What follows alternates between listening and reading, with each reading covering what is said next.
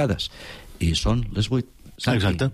Ho hem de deixar aquí i dilluns vinent Continuarem. continuarem amb els resultats que hi ha hagut cap de setmana, cada vegada menys, no? Cada vegada menys. Però bé, s'han de donar. Que tingueu bona setmana i ens retrobem. Adéu-siau. Adéu, bona nit.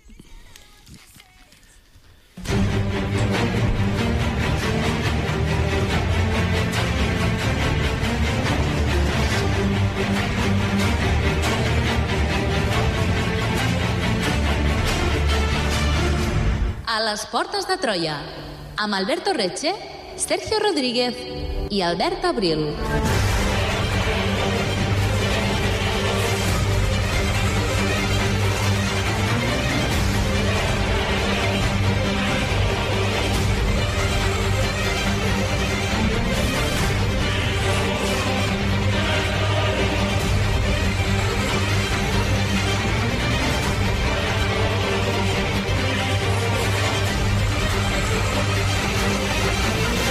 Freqüent pels historiadors interessar-se sobre els personatges concrets.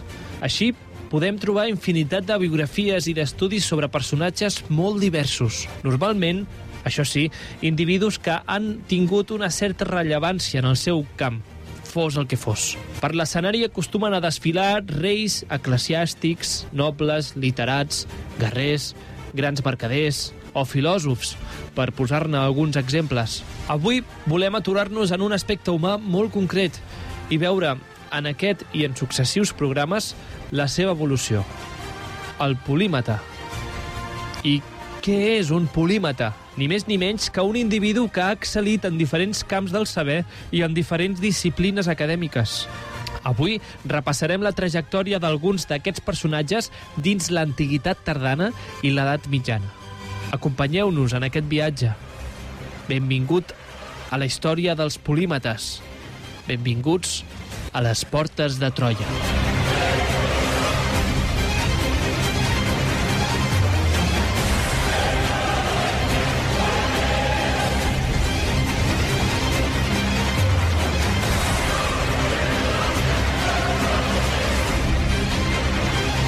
Benvinguts i benvingudes una setmana més a les Portes de Troia, el programa de ràdio història des dels estudis de Ràdio Castellà de la xarxa de comunicació local.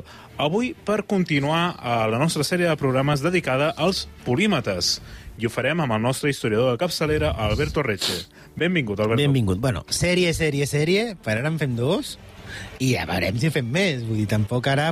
Ja sabeu que, que no hem de prometre més del que podem No, abastar. ma- mai, Tu mai. sí, es veu, es veu que tu sí. Ah, sí?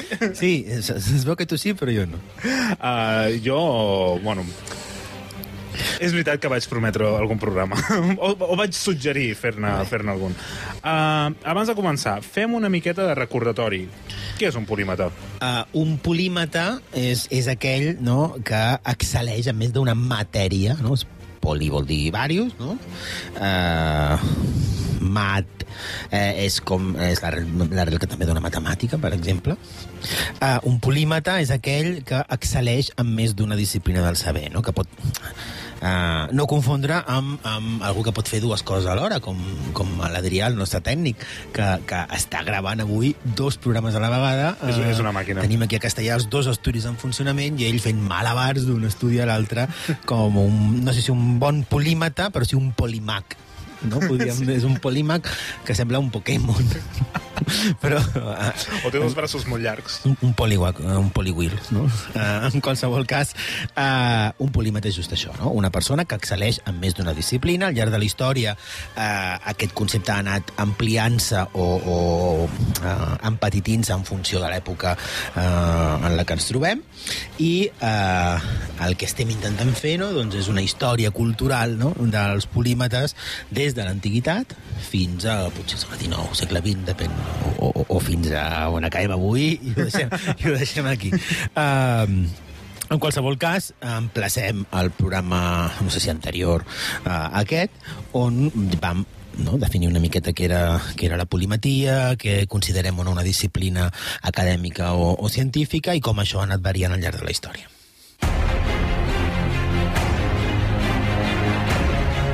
Segueix-nos a facebook.com barra Portes de Troia o a Twitter arroba Portes de Troia. Descarrega't el podcast des d'iBooks o iTunes.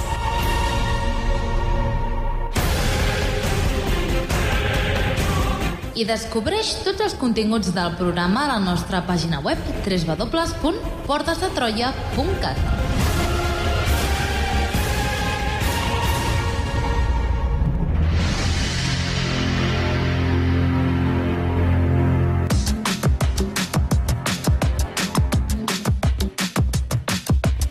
Tornem a encetar el programa avui amb una banda sonora Ah, jo, interessantíssima. jo ja pensava que no, no em preguntaries per la banda sonora d'avui. No, home, òbviament que t'he de preguntar per al senyor uh, Polímata. Bueno, a veure... Parlem-ne. Parlem-ne. No ser... O sigui, a veure... No obrirem aquest meló. No l'obrirem. Estem gravant el programa sense tirar les músiques perquè encara no estan decidides. Llavors, aquí l'Albert s'ha tirat un triple intentant... intent... Jo, jo pensava que, que ho jugaria de manera subtil, no? Eh, allargant la broma de t'ha gravat la música, sí, i tal, i que jo fos eh, suficientment vaga i imprecís perquè quadrés amb qualsevol música, però ell ha decidit ficar la pota fins, a, fins al fons i, i mencionar eh, el, aquest eh, savi del Renaixement que Sí, hem trobat. Uh, uh, emplacem, us emplacem al programa anterior i ho decidim. No sé quina música posarem, però segur serà una música a l'alçada del que esteu acostumats. Uh, perfecte. Uh, si vols, als altres separadors podem fer veure que... Vinga, va, juguem. Sí? juguem, Jugarem, jugarem, juguem. doncs. Uh, el programa anterior sobre el tema ens havíem quedat al món romà. On arrencarem avui? Bé, doncs, mira, una mica on, on ho vam deixar. No? Encara estem a la Roma imperial, no? vam acabar veient a Plini el Vell, no? Tot i que era el Plini el Vell de la nova república, però eh, el panorama el que, eh, des, del qual arrencarem avui és un xic diferent, no? Eh, bàsicament perquè la irrupció del cristianisme dins del món romà, i sobretot a mesura que va guanyant, eh, que va guanyant força dins del món romà, va significar en bona mesura un cortocircuit respecte a la tradició clàssica, no només en el fons, sinó també en la forma d'apropar-se al coneixement. I què canviarà? Bé, bàsicament el cristianisme inicial és una força antiintel·lectual, per entendre'ns, no? Davant de la veritat revelada, la curiositat i el coneixement científic erudit, el coneixement científic i el coneixement erudit s'identifiquen amb el paganisme, amb la cultura clàssica, no? Recordeu que la- l'antiguitat clàssica, eh, la Grècia clàssica, a Roma eh, el, el paper del polímata, del savi, no? que eh, aprèn diverses disciplines, que entén, no? que intenta copsar la immensitat del món de les diferents òptiques, és vist com la manera natural no? uh, a través de la qual uh, s'encarrila la saviesa o la curiositat. Uh, el cristianisme inicial no? rebutja de ple aquest món clàssic i, per tant, també rebu- rebutja aquest coneixement heredat o la manera d'apropar-se a aquest coneixement. No? Per tant, el coneixement heredat del món clàssic, que per ells encara és vigent, no, no estem al segle II, III, IV, eh, és, en el millor dels casos, sospitós. No? I la curiositat en el millor dels casos, és sospitosa. No? Un, un llibre recomanable en aquest sentit, va sortir el 2017-2018, crec, és l'assaig de, de Catherine Nixley, uh, L'edat de la penombra, no? que parla precisament d'això. És un llibre molt criticat, però bueno, ja està bé que estigui criticat, perquè vol dir que toca on, on, on ha de tocar. Mm. No? Que parla precisament d'això, no? de com uh, el cristianisme inicial destrueix el món clàssic d'una manera uh, física, no? Uh, estàtues, llibres, biblioteques, perquè uh, dins de la lògica d'aquest uh, integrisme uh, cristià, uh, tot el coneixement heredat del món clàssic és sospitós de paganisme. Uh, de fet, molts autors importants dels primers segles del cristianisme tindran una postura similar sobre aquest tema. No? La de van posar, la de van posar la veritat en Crist a la curiositat científica o a la curiositat humanística. No? Des de Tertulià, que és un nom fantàstic, perquè, perquè al final eh, parlar dels polímetes és parlar dels tertulians, de gent que sap de tot, eh, el tertulià sap de tot i de res a la vegada. Fantàstic. M'encanta que, que coincideixi el, el, el seu nom amb la... Bueno, amb, amb No. l'imatge actual, no? De fet, les tertúlies venen per de tertulià. Era un tipus que, bueno, que era molt, molt campechano i tenia molta gent a les seves tertúlies. Um, Tertulià, cavall entre els segles II i III després de Crist, no? pues des de Tertulià fins a Sant Agustí, un segle després, la consigna és la mateixa. La curiositat i l'afany de coneixement no religiós és una pèrdua de temps i un tret anticristià. De fet, en el cas de Sant Agustí és, és molt divertit, perquè ja sabeu que tenim les, confes les seves confessions, la seva uh, mena d'autobiografia, on explica la seva conversió i la seva vida, i ens explica com ell de jove era un- com a bon pagar, era un dissolut, no? i s'anava... Feia, coneixia... Quan ell uh, va viatjar del poble a la ciutat, va descobrir els plaers de la vida, els plaers carnals, els plaers uh, uh, libidinosos, uh, la curiositat mateixa, no? la curiositat, l'amor per la literatura, l'amor per la festa, l'amor pel sexe, i tot això desapareix en el moment en què es, es converteix el cristianisme. No? Llavors la curiositat en si mateixa és un, és un uh, o els plaers de la vida, entre ells la curiositat, uh, són trets anticristians. Per tant, es perdrà molt coneixement en tot aquest procés? Eh, o, o i tant, no? Penseu, parlàvem de, de Barró al, al final del programa anterior, no? que dèiem que era una persona que havia escrit desenes i desenes i desenes de tractats erudits sobre múltiples disciplines del saber eh, i actualment cone en coneixem una obra completa, una obra bastant fragmentària i petits fragments d'altres obres. I podem reconstruir tots aquells temes dels que havia tractat gràcies a referències posteriors. No? Penseu que del tot el volum d'obres de l'antiguitat clàssica en conservem un percentatge minúscul. No? S'acostuma a dir eh, que entre un 5 i un 10% del que es va produir eh, això vol dir que entre un 95 i un 90% s'ha perdut. Penseu, per exemple, eh, eh, les novel·les romanes. Quantes novel·les romanes coneixem? Mm. Dos. no? Eh, eh, eh, segurament existissin moltes més, no? però eh, eh, s'ha perdut. Eh, hi ha hagut un... Eh, aquest cristianisme eh, arras, inicial arrast, eh, o arrasarà amb tot el que ells considerin que és la visió de Roma eh, que no s'adapta al cristianisme. Per això Roma ens cau malament. No? Aquella Roma eh, sensual, sexual, eh, viscuda, eh, jo què sé, les estàtues que es conserven eh, eh, dels emperadors romans són aquelles que s'assemblen, o la que els cristians cre creien que s'assemblaven a Constantí, com Constantí és el primer emperador cristià, i no tenia barba, no? pues totes les, les escultures que es conserven, per exemple, d'August, es conserven perquè els cristians pensaven que era, que era Constantí i que, i Era que era sant i, i, i, i que, per tant, no s'havia no de destruir. No?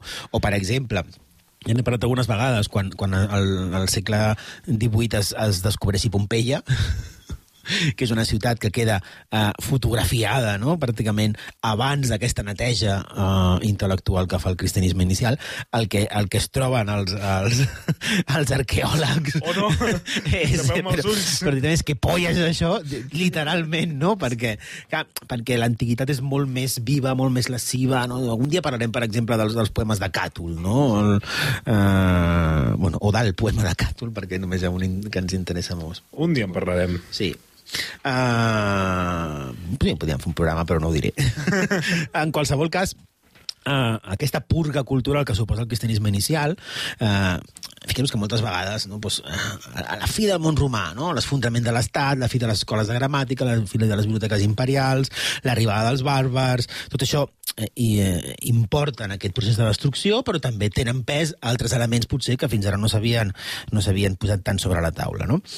Uh, tot això eh, ho hem de, són elements que hem de tenir en compte a l'hora d'entendre la singularitat intel·lectual dels darrers segles de l'imperi romà, no? on pràcticament eh, es nota un tall molt gran no? des del final d'aquesta Roma eh, encara amb pensadors clàssics. No? Fins, eh, aquí, per exemple, una altra figura de la que no, no hem, hem parlat però podíem parlar, Hipàtia d'Alexandria, no? com, una de les últimes gran, com un dels últims grans savis o una de les últimes grans sàvies de l'antiguitat en un món cada vegada més, més eh, intransigent. Eh, tot això és un, un llarg procés, no? segles IV, cinquè després de Crist, que obren no? una, nova, una nova finestra una nova porta en aquesta història de la polimatia. I eh, travessem aquesta porta i entrem a la fosca alta edat mitjana. Bé, ja sabeu que el concepte s'ha matitzat infinitat de vegades en els darrers temps. No cal insistir sobre la suposada o no foscor d'aquesta edat mitjana. Sí que és cert, però, que comparat amb el període anterior, resulta difícilment justificable el, el negar no, la reducció del coneixement, no? aquest vol, gran volum de coneixement del món clàssic, o com a mínim eh, la reducció de determinats coneixements, no? aquells que eren considerats més pagans, entre els anys 500 i 1000 eh, a l'Occident europeu. No?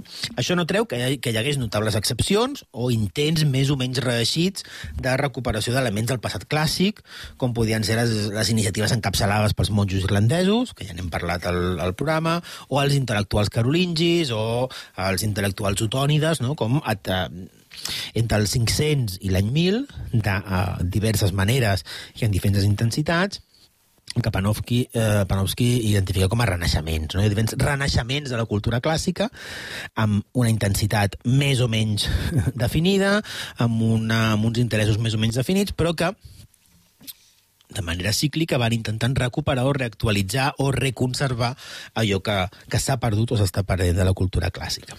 I podem posar algun exemple d'aquesta reducció de la cultura clàssica?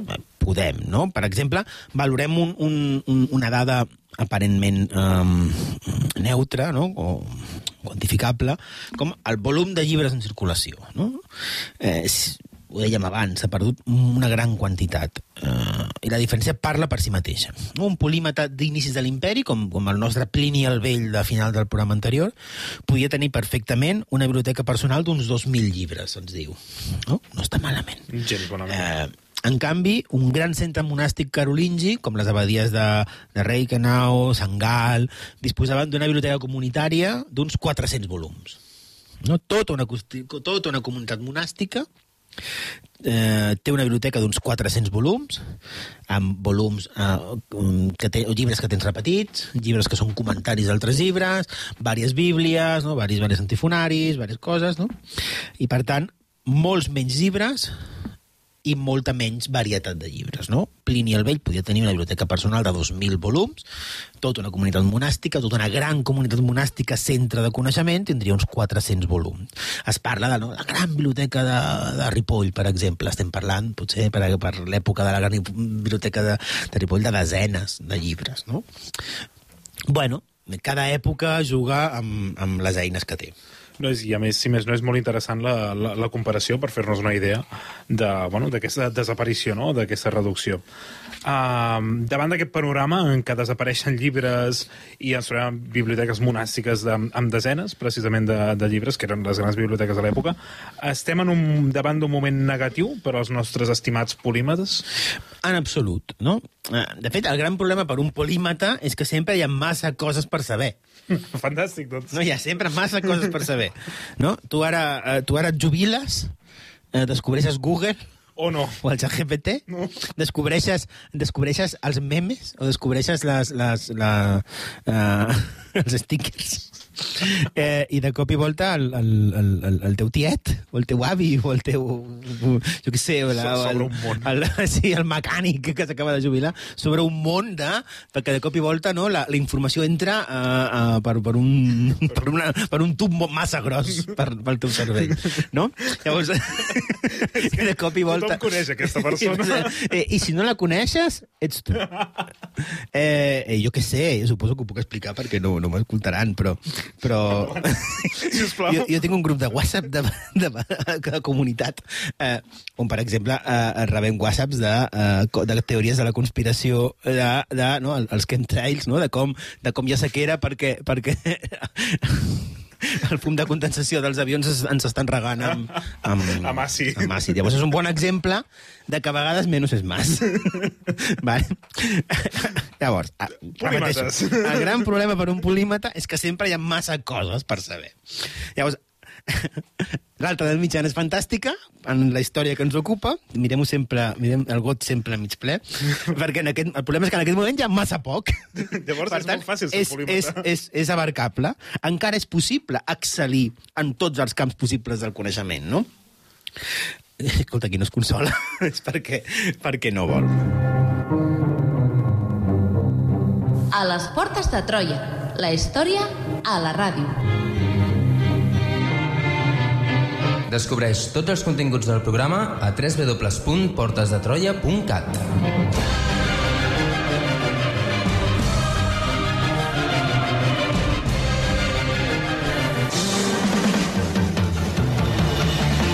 Arribaré a ser el millor, el millor que... Alberto, què és aquesta segona cançó que ens has posat avui tan diferent? Uh, M'agrada molt que em facis aquesta pregunta. De fet, uh, és una cançó que em recorda a tu. Ah, sí? És una... L'he triat especialment per tu, amb la qual uh, em sento molt decebut de que no hagis uh, copsat el missatge ocult d'amor incondicional que hi havia uh, darrere d'aquesta cançó, sigui quina sigui. Em tornaré a escoltar el programa per, només per sentir-la. Uh, continuem la nostra història dels polímetres centrant-nos en aquest pas de l'antiguitat a la mitjana. Algun personatge que calgui destacar? Sí, bueno, posem-ne, podríem posar-ne uns quants sobre la taula, no? Uh, posem-ne tres aquí, no? Ja, ja, que ja, ja que tenim tres cadires lliures, doncs posem-ne tres personatges per aquest període que va, eh, posem-hi de, del 500, que hem dit abans, a, a l'any 1000, no? En aquests 500 anys podríem posar-ne més, ens deixem eh, gent fantàstica pel camí, eh, tots bellíssimes persones, però eh, triem aquests tres, ni que sigui per acabar el programa a temps. A temps, perfecte, perquè si no uh, ens faran fora. Uh, en fi, uh, per quin d'aquests personatges comencem? Doncs jo crec que per la seva tasca de salvament de part de la cultura clàssica, no? per la seva, uh, per la seva uh, inestimable tasca de patrulla canina rescatant uh, el coneixement clàssic, jo començaria per un personatge clau uh, en els propers mil anys, uh, que no és un altre que Boessi. No? Boessi, a vegades, o s'ha dit moltes vegades, s'ha dit d'ell, que va ser l'últim romà. Oh, només per això ja m'agrada. Té el privilegi. Té el privilegi, no? L'últim romà. Eh, I aquí diu, no, és, eh, Boessi és, és tant l'últim romà com el primer home medieval. I jo, no, no, no, l'últim romà, l'últim romà, ja m'està bé. L'últim romà. De fet, commemorem avui el- l'aniversari de, del, de la mort de Mussolini. Um, I, però també està guai, de l'últim romà també està guai per parlar d'això. Um, si no sabem quan s'emetrà aquest programa, no, però, bueno, avui, però avui, avui, gravant avui, l'estem de gravant Mussolini, avui, avui, sí. No, no, no em capgiris el, el guió. Cap, cap problema. Bueno, uh, bueno Boessi va viure a cavall entre, entre el segle V i VI després de Cris, va ser senador, cònsul, uh, uh, magister officiorum, no? mestre dels oficis, és a dir, mestre dels funcionaris, no? dels homes de, de la cort de Teodoric, uh, rei dels ostrogots, no? que, aquest, aquest, aquest poble que invaeix eh, Itàlia a la fi de l'imperi romà i, per tant, eh, Boessi, fill d'una, eh, família senatorial amb solera, eh, no? un, un, un home educat, en, tot, i que, tot i que és cristià, està educat en els principis pedagògics de l'antiguitat clàssica, eh, escenifica com ningú aquest xoc cultural no, entre un món que s'acaba i un món que comença. No? I ha de contemporitzar la seva tasca d'últim polímata, últim erudit, amb la seva tasca no, de col·labora, col·laboracionista o, o home del, del nou règim. No funcionarà, de fet ja, si coneixeu el personatge, sabeu que ha passat a la història, de la, sobretot de la filosofia, per la seva consolatio, no? la, la consolació de la filosofia, eh, una de les obres més llegides durant tota l'edat mitjana, un dels bestsellers eh, eh, medievals, i que va arribar a influir a personatges tan dispars com, com Pere Balart, no? un de, dels nostres personatges favorits, teniu programa, o un personatge de casa nostra com Bernat Metge, no? que també en el seu L'Osomni fa no? deixa de fer una reelaboració, una readaptació d'aquesta Consolatio, que és l'obra que Boessi escriu suposadament a la presó, no? eh, que, eh, inicia tota aquesta tota aquesta uh, tot aquest, eh, tot aquest gènere literari, no?, que és, que és Escriure des de la presó, amb, amb obres de gran qualitat i obres de potser no tan, no tan qualitat. Uh, eh, no vull parlar del tema. Pots, pots fer-ho, eh, si vols. Bueno, no, jo parlo de, de l'Osomni. Uh, Boessi, no, per, per certes disputes amb Teodoric, acaba a la presó, acaba empresonat, i des d'allà fa aquesta consolatio, no? Eh, ell, eh, sense accés als seus llibres des de la presó, no, pues, se li apareix la filosofia personificada com si fos una, una, una deessa de l'antiguitat, no? I, i és tota aquesta ètica que li permet el consol sobre, sobre l'adversitat, no? que és aquest fil conductor que Pere Belart, no? amb la història de les seves dissorts, o eh, les cartes a, a, a Eloïsa, o el, o el somni de Bernat Metge, metge tenen en comú. No? Però avui no ens interessa això, no ens interessa aquesta faceta de, de filòsof eh, consolat, sinó eh, ens interessa Boesi per totes les altres coses que va fer. Eh, va ser el darrer romà en un món de bàrbars eh, i s'autoatorgarà, una paraula molt bonica, autoatorgar-se, la tasca de recuperar el màxim possible del saber clàssic. Vaja.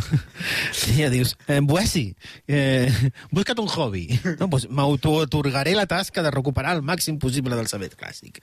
I per fer-ho estudiar camps tan diversos com la lògica, la retòrica, l'aritmètica, la música, la teologia, i al temps que va exercir una gran tasca de recopilador i traductor d'autors com Pitàgores, Aristòtil, Plató, Arquímedes, Euclides, Ptolomeu i Ciceró. Ja, la cantarella de l'altre programa, no? Música aritmètica, retòrica, no sé què. No sé Sí, eh? Poet, Pitàgores, Aristòtil, Plató, Arquímedes, Euclides. No? Uh, Beossi, uh, Déu-n'hi-do. Vull Boesi, Boesi. Ai, Be-. No, Boesi no era Beossi. No, no. Ni tampoc era un Boesi, Beornida. perdó. No passa res.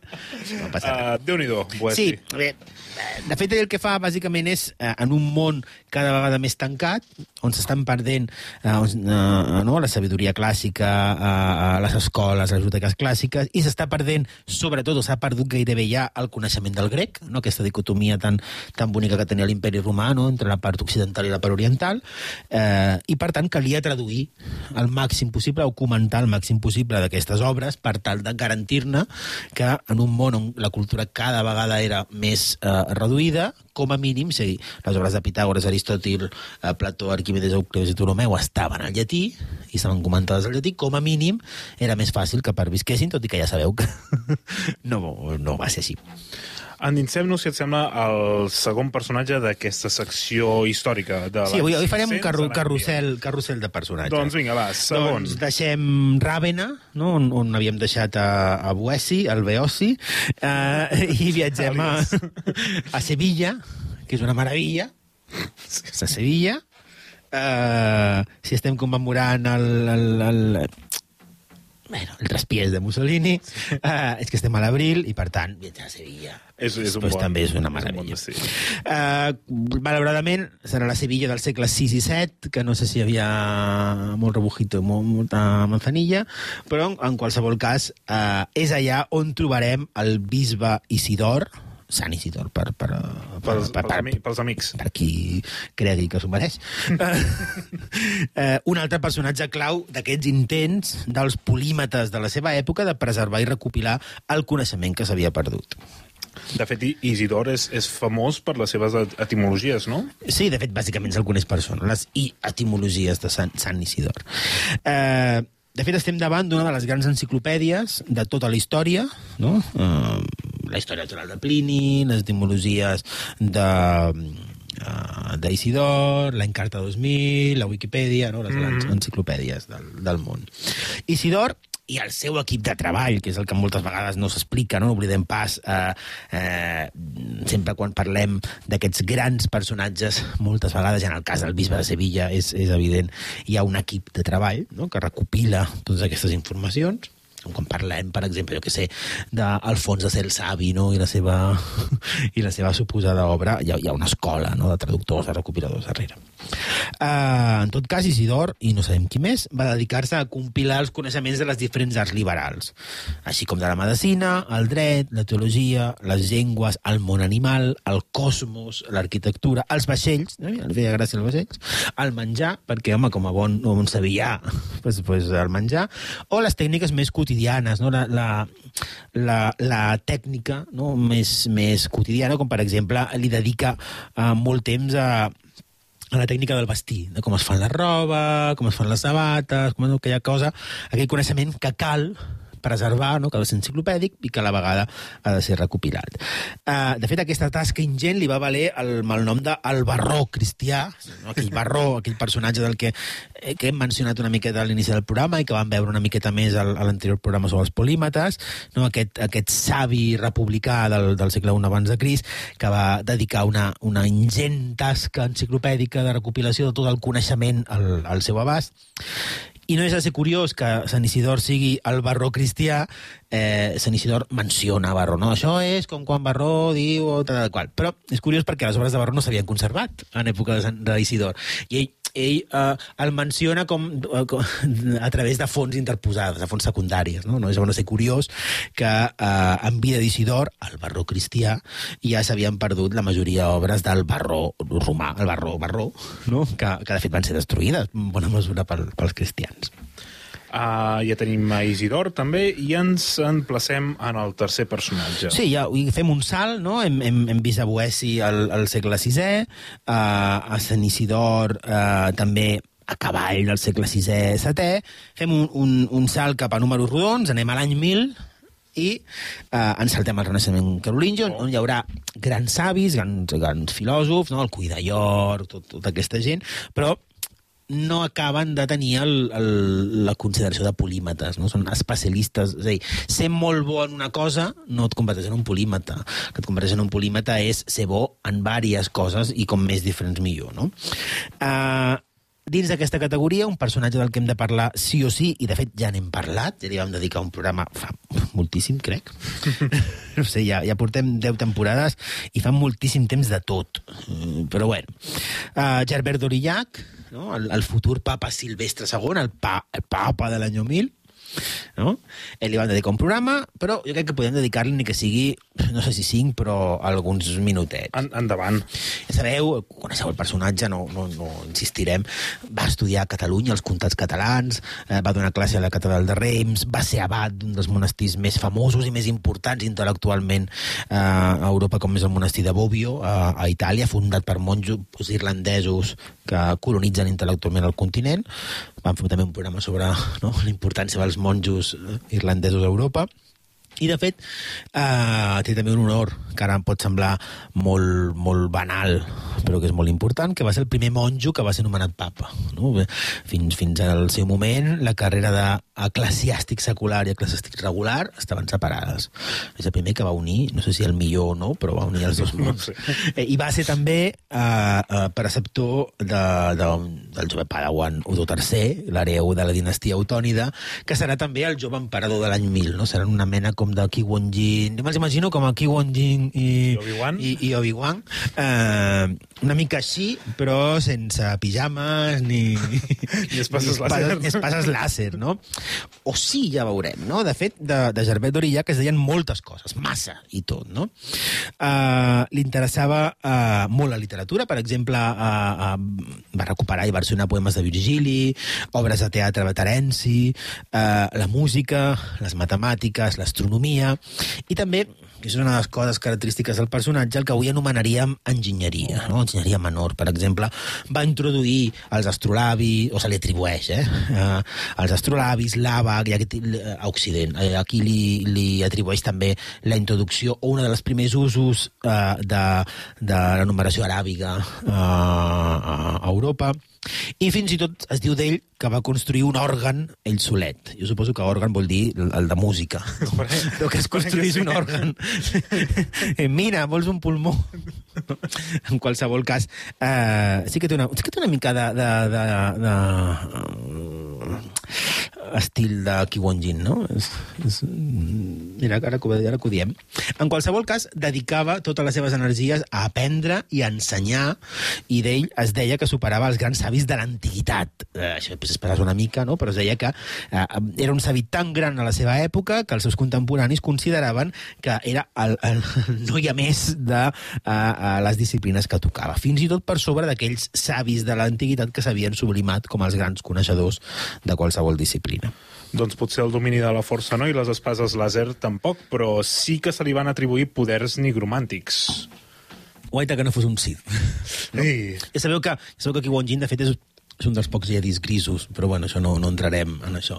Però bueno. Podem entrar si vols. No, da igual, ja dedicarem un programa un dia a la, a la, a la, a Star Wars. Perfecte. O no. Però és un bon exemple, aquesta, aquesta suposada aura nigromàntica de, de Silvestre II, papa, el papa nigromante. Mm. Això està guai. Hem fet el papa zombi, per què no el papa nigromante? Papa nigromante. O el papa jedi. També. Està guai.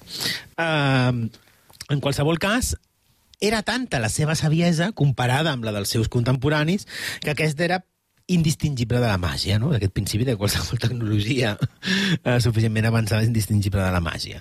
Se li atribuïa, per exemple, la possessió d'un giny en, en forma de cap d'estàtua, no? com una mena de, de cap, eh, imma, eh, inorgànic, que responia a totes les seves preguntes. El xat GPT de l'època. El ChatGPT, sí. Clar, eh, fins fa uns mesos haguessin dit l'Alexa... No, Alexia és, és una altra cosa. Però que no sé si Alexia eh, sap molt de futbol, no sé si de més coses. Uh, o, o Siri, no? T'imagines a, a un papa dient Hola Siri, Sobre un cap, no? hola Siri, què hace? Eh, o ara, no? seria el, el ChatGPT de, de l'època, no?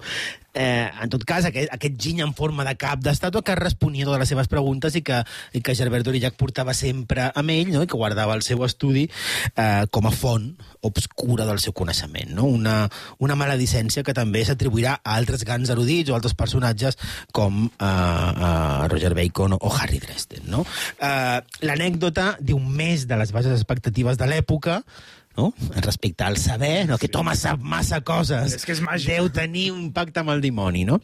Més que la suposada nigromància de Gerbert d'Aurillac, tot i que no deixa de ser no? uh, un, un, un lloc literari molt, molt explotat, no? Un monjo que sap molt, que viatja, uh, uh, que té contactes amb l'islam, no? que té una, una calavera Que parla. uh, que parla uh, com si fos una aventura gràfica, uh, no? I, que, i que és, uh, arriba a papa, però a la vegada és, és un, un, un nigromant no deixa de ser un exemple molt bonic no? d'aquest confrontament entre la realitat i la, i la polimatia. I el seu contacte amb l'islam tampoc devia ajudar gaire, imagino. No, clar, en, en absolut, ja el que li faltava al pobre home, no?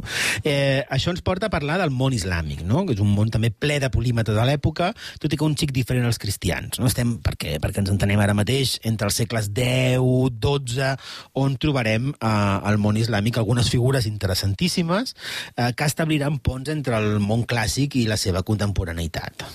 I a què es dedicaran els polímetes islàmics? Que imagino que n'hi deu haver uns quants.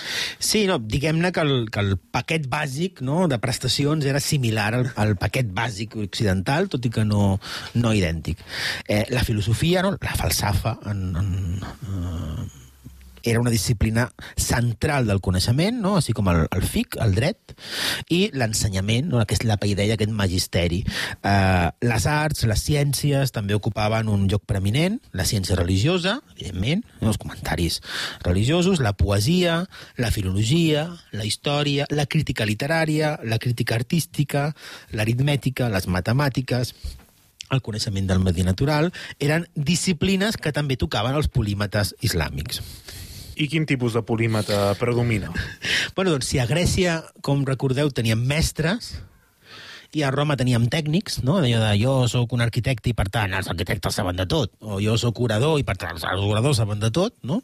Uh, I a la Xina teníem funcionaris, no? un saber més aplicat uh, uh, al, al funcionament burocràtic de l'Estat, uh, i a l'alta edat mitjana, com hem vist uh, no fa gaire, tenim recopiladors. Al món islàmic el que trobem són secretaris i comentadors. No? Aquesta idea de fer pont, de fer de pont uh, amb la cultura grega. No? El, el, el polímata uh, islàmic d'aquesta època, no? dels segles X, XI, XII, és sobretot un, un, un secretari, un, orden, un ordenador, un organitzador i un comentador d'obres. No? I, i, I, per tant, no? si, sempre aquestes, aquestes uh, màximes o aquests grans adjectius uh, uh, serveixen per definir línies generals, no? però una mica el, el, el, el regust d'aquests polímetres islàmics tira cap a aquesta banda, no? els secretaris, comentadors, recopiladors... I dins d'aquest ventall, quins noms ens posa sobre la taula? Bueno, doncs, de nou posem alguns noms, no? Eh, el Quindi, Ibn-Sina, no? el que, el que serà conegut, conegut a Occident com Avicena, eh, Ibn Rush, Averroes, per entendre's, i de Ibn Khaldun, no? Abel Handun, en, en la, en la en roman, romanització de, del seu nom. I d'aquest ventall que ens estaves explicant, quins noms posem sobre la taula, Bueno, Alberto? podríem dir-ne un altres, però posem eh, els següents. Eh, el Quindi, Ibn Sina, no? el, el conegut com Avice, Avicena o Avicena a, a Occident, Ibn Rush, Averroes, no? i eh, Ibn Khaldun, el Ibn Khaldun eh, en les llengües eh, romàniques. Comencem, doncs.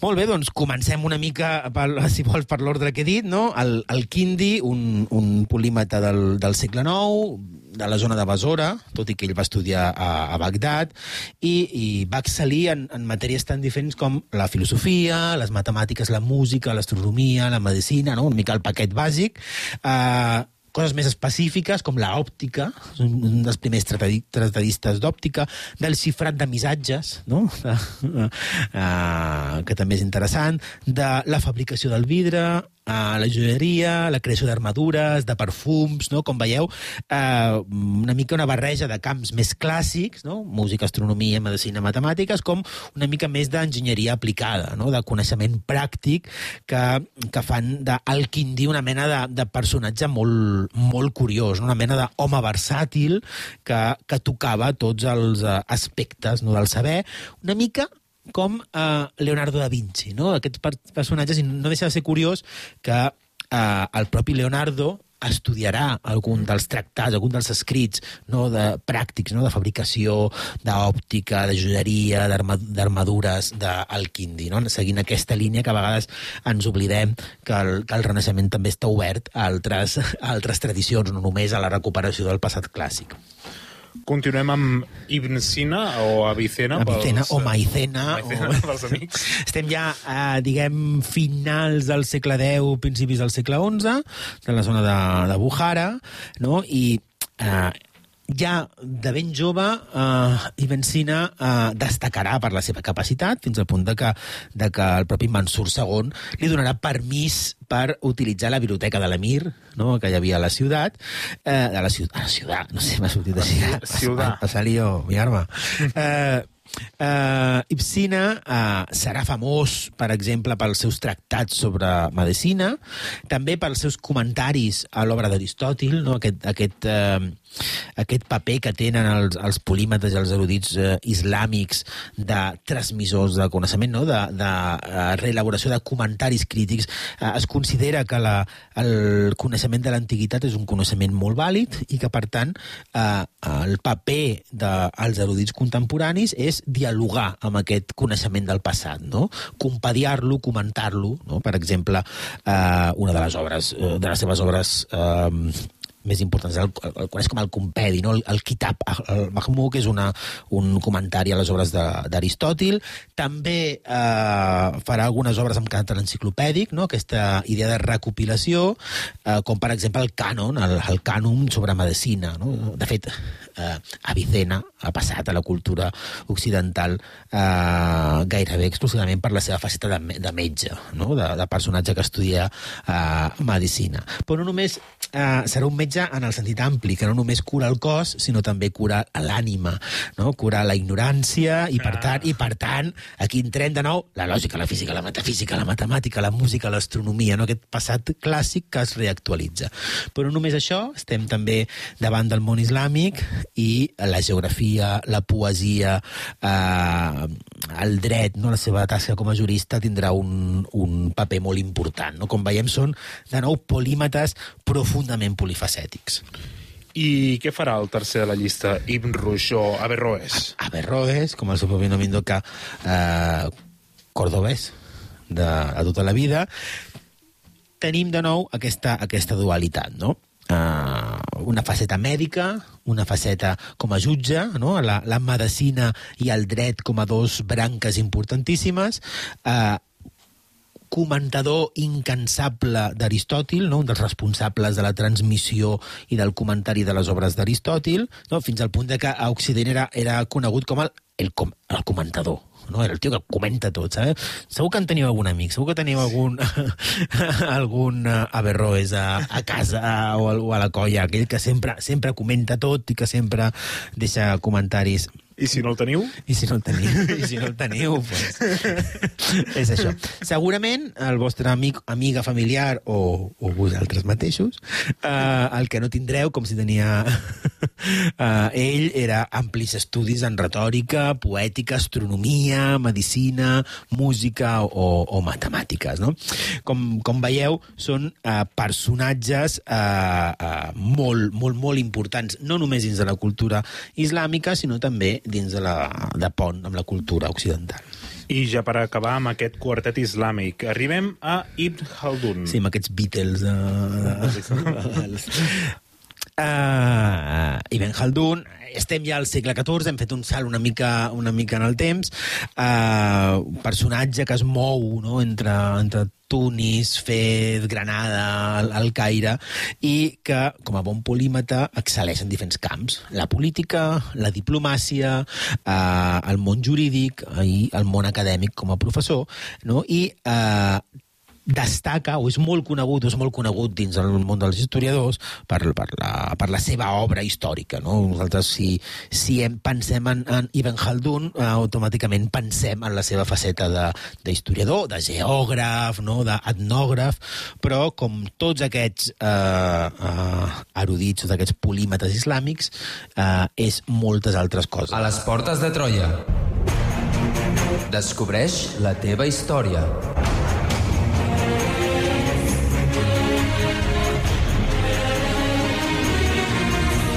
Troba'ns a facebook.com barra Portes de Troia i a Twitter arroba Portes de Troia.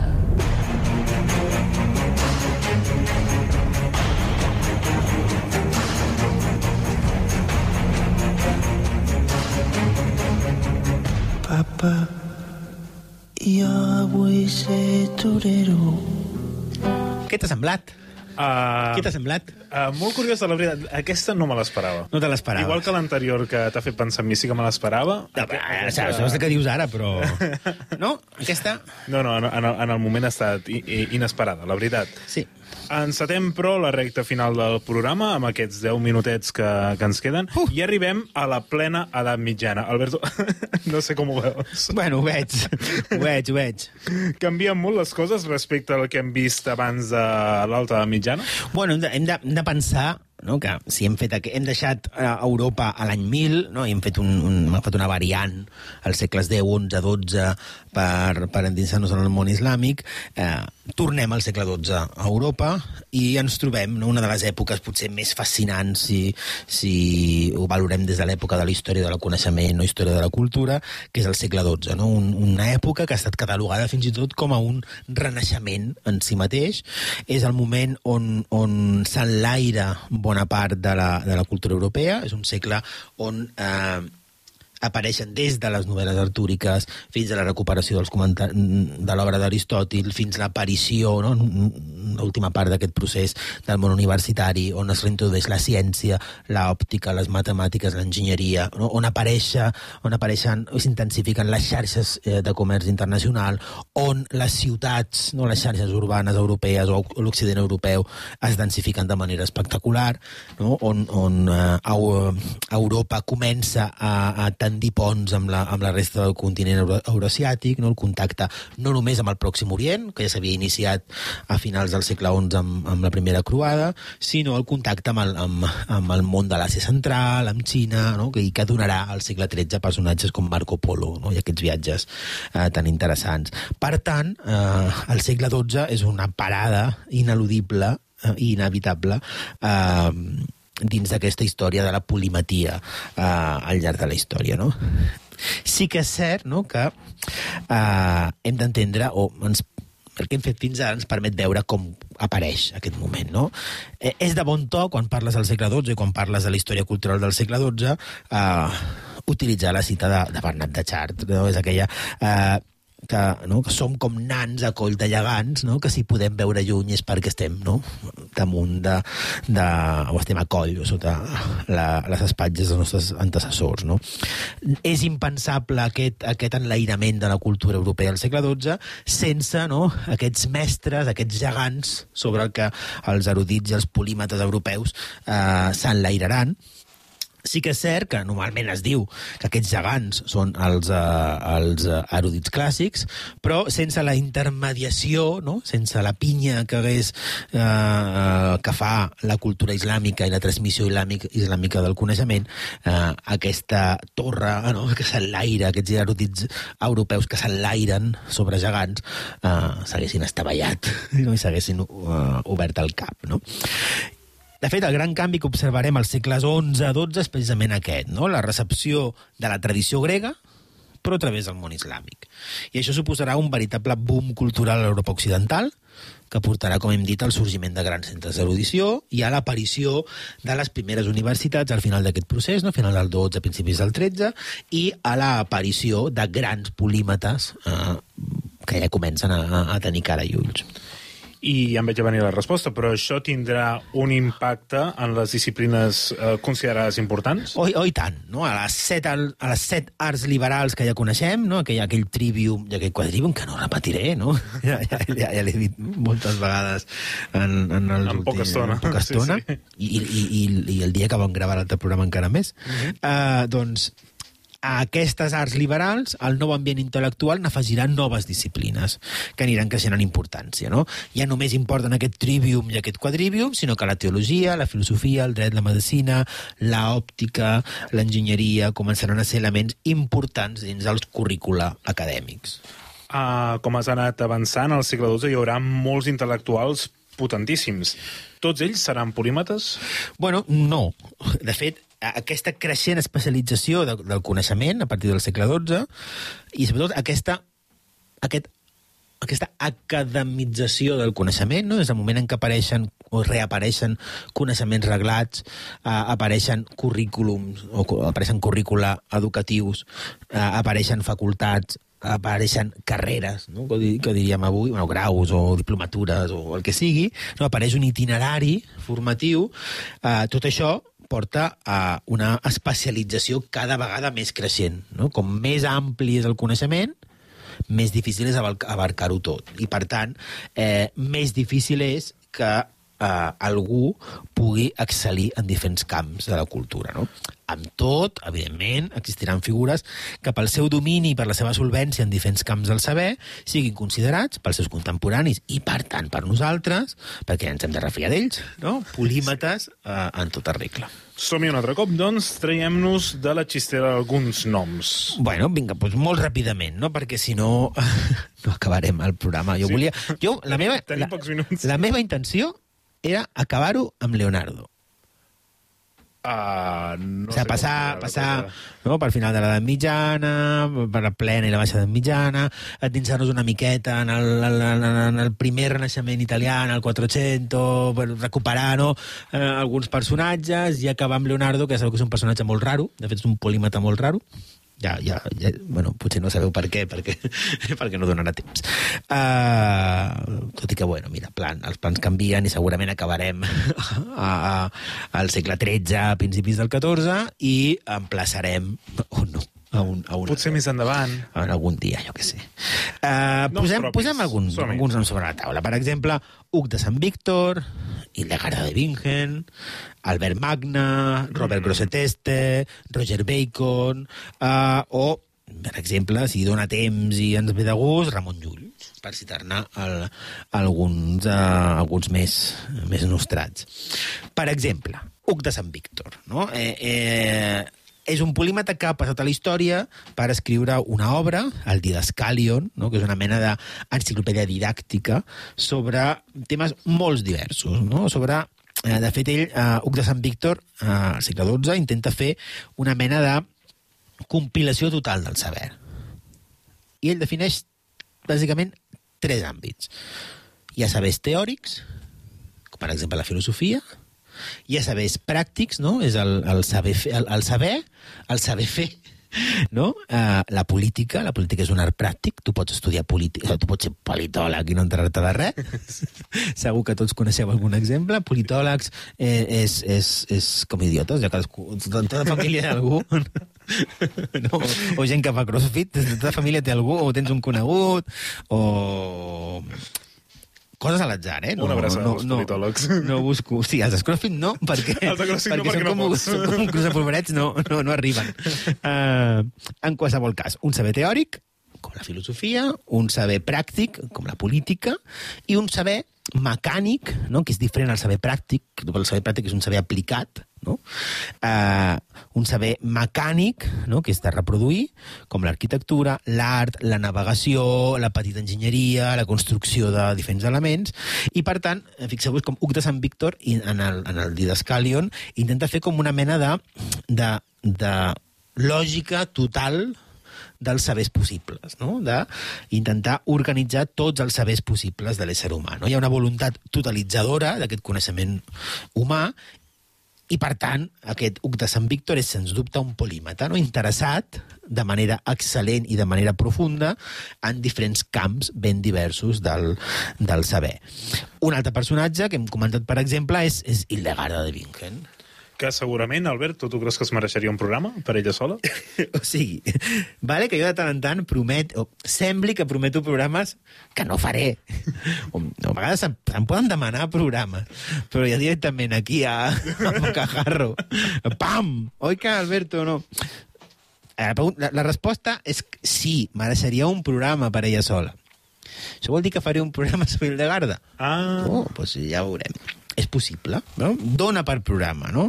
Da, da per programa, que diria. És un dels intel·lectuals més, o de les intel·lectuals més singulars del segle XII, no pel fet que sigui dona, que és accessori, al segle XII existeixen eh, encara intel·lectuals en femení, penseu, per exemple, entre moltes altres, eh, eh, la pròpia Eloïsa, no? que, de la qual també n'hem parlat, sí.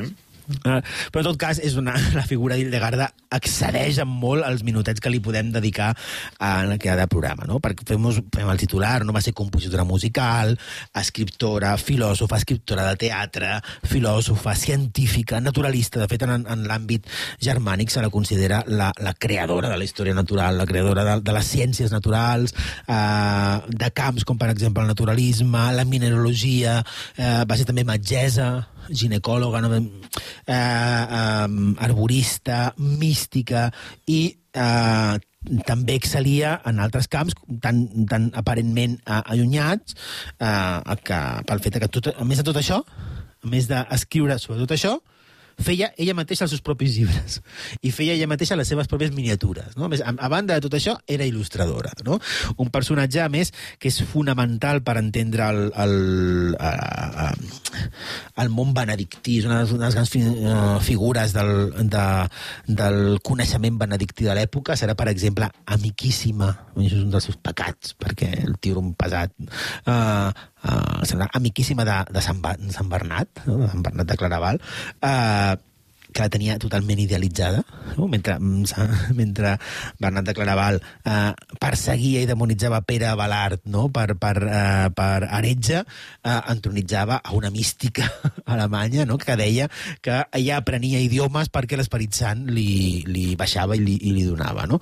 O feia, per exemple, miniatures fantàstiques de vagines, eh, eh, que això no escandalitzava en absolut. No? En tot cas, és un personatge del que ja parlarem algun dia, o, o fes el programa tu, que també, que també Ah, pots. pensarem, pensarem. En fi, ens queden molts noms a la boca. Ramon Llull, uh, Roger Bacon, uh, es parla també de Leonardo da Vinci. Uh, ens emplacem segurament, uh, no podem prometre res, a altres programes. Però tot i això, moltíssimes gràcies, Alberto Recci, per aquesta sèrie de dos programes sobre els polímetes. Ja hem acabat, no dona tema més. No. Perfecte, doncs moltíssimes gràcies, Alberto Recce. A tu. L'Adrià Tirado, el control tècnic, us ha, us ha parlat Albert Abril. Us esperem una setmana més a les portes de Troia.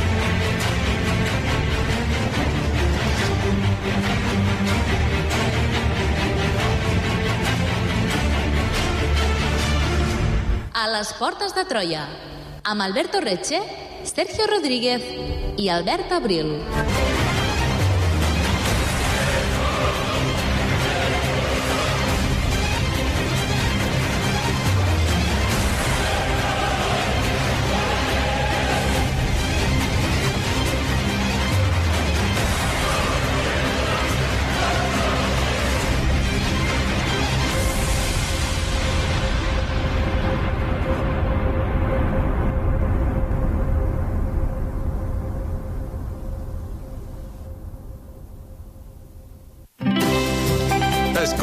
Ràdio Seu on i quan vulguis.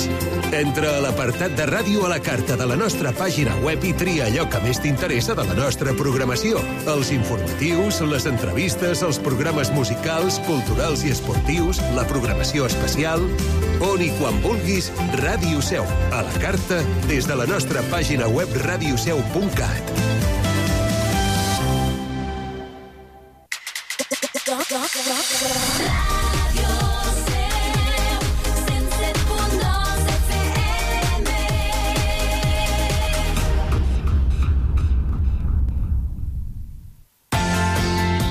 tot el que passa a la Seu, l'Alt Urgell i el Pirineu a Ràdio Seu. Desenes de col·laboradors fan possible una temporada més la millor oferta radiofònica feta des de casa nostra. Escolta'ns al 107.2 de l'FM, a radioseu.cat o a través de la nostra aplicació per a telèfon mòbil. Ràdio Seu, propera a tu, oberta al món.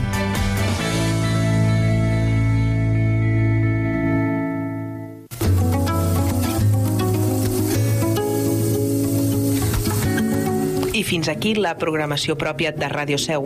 Connectem amb Catalunya Ràdio.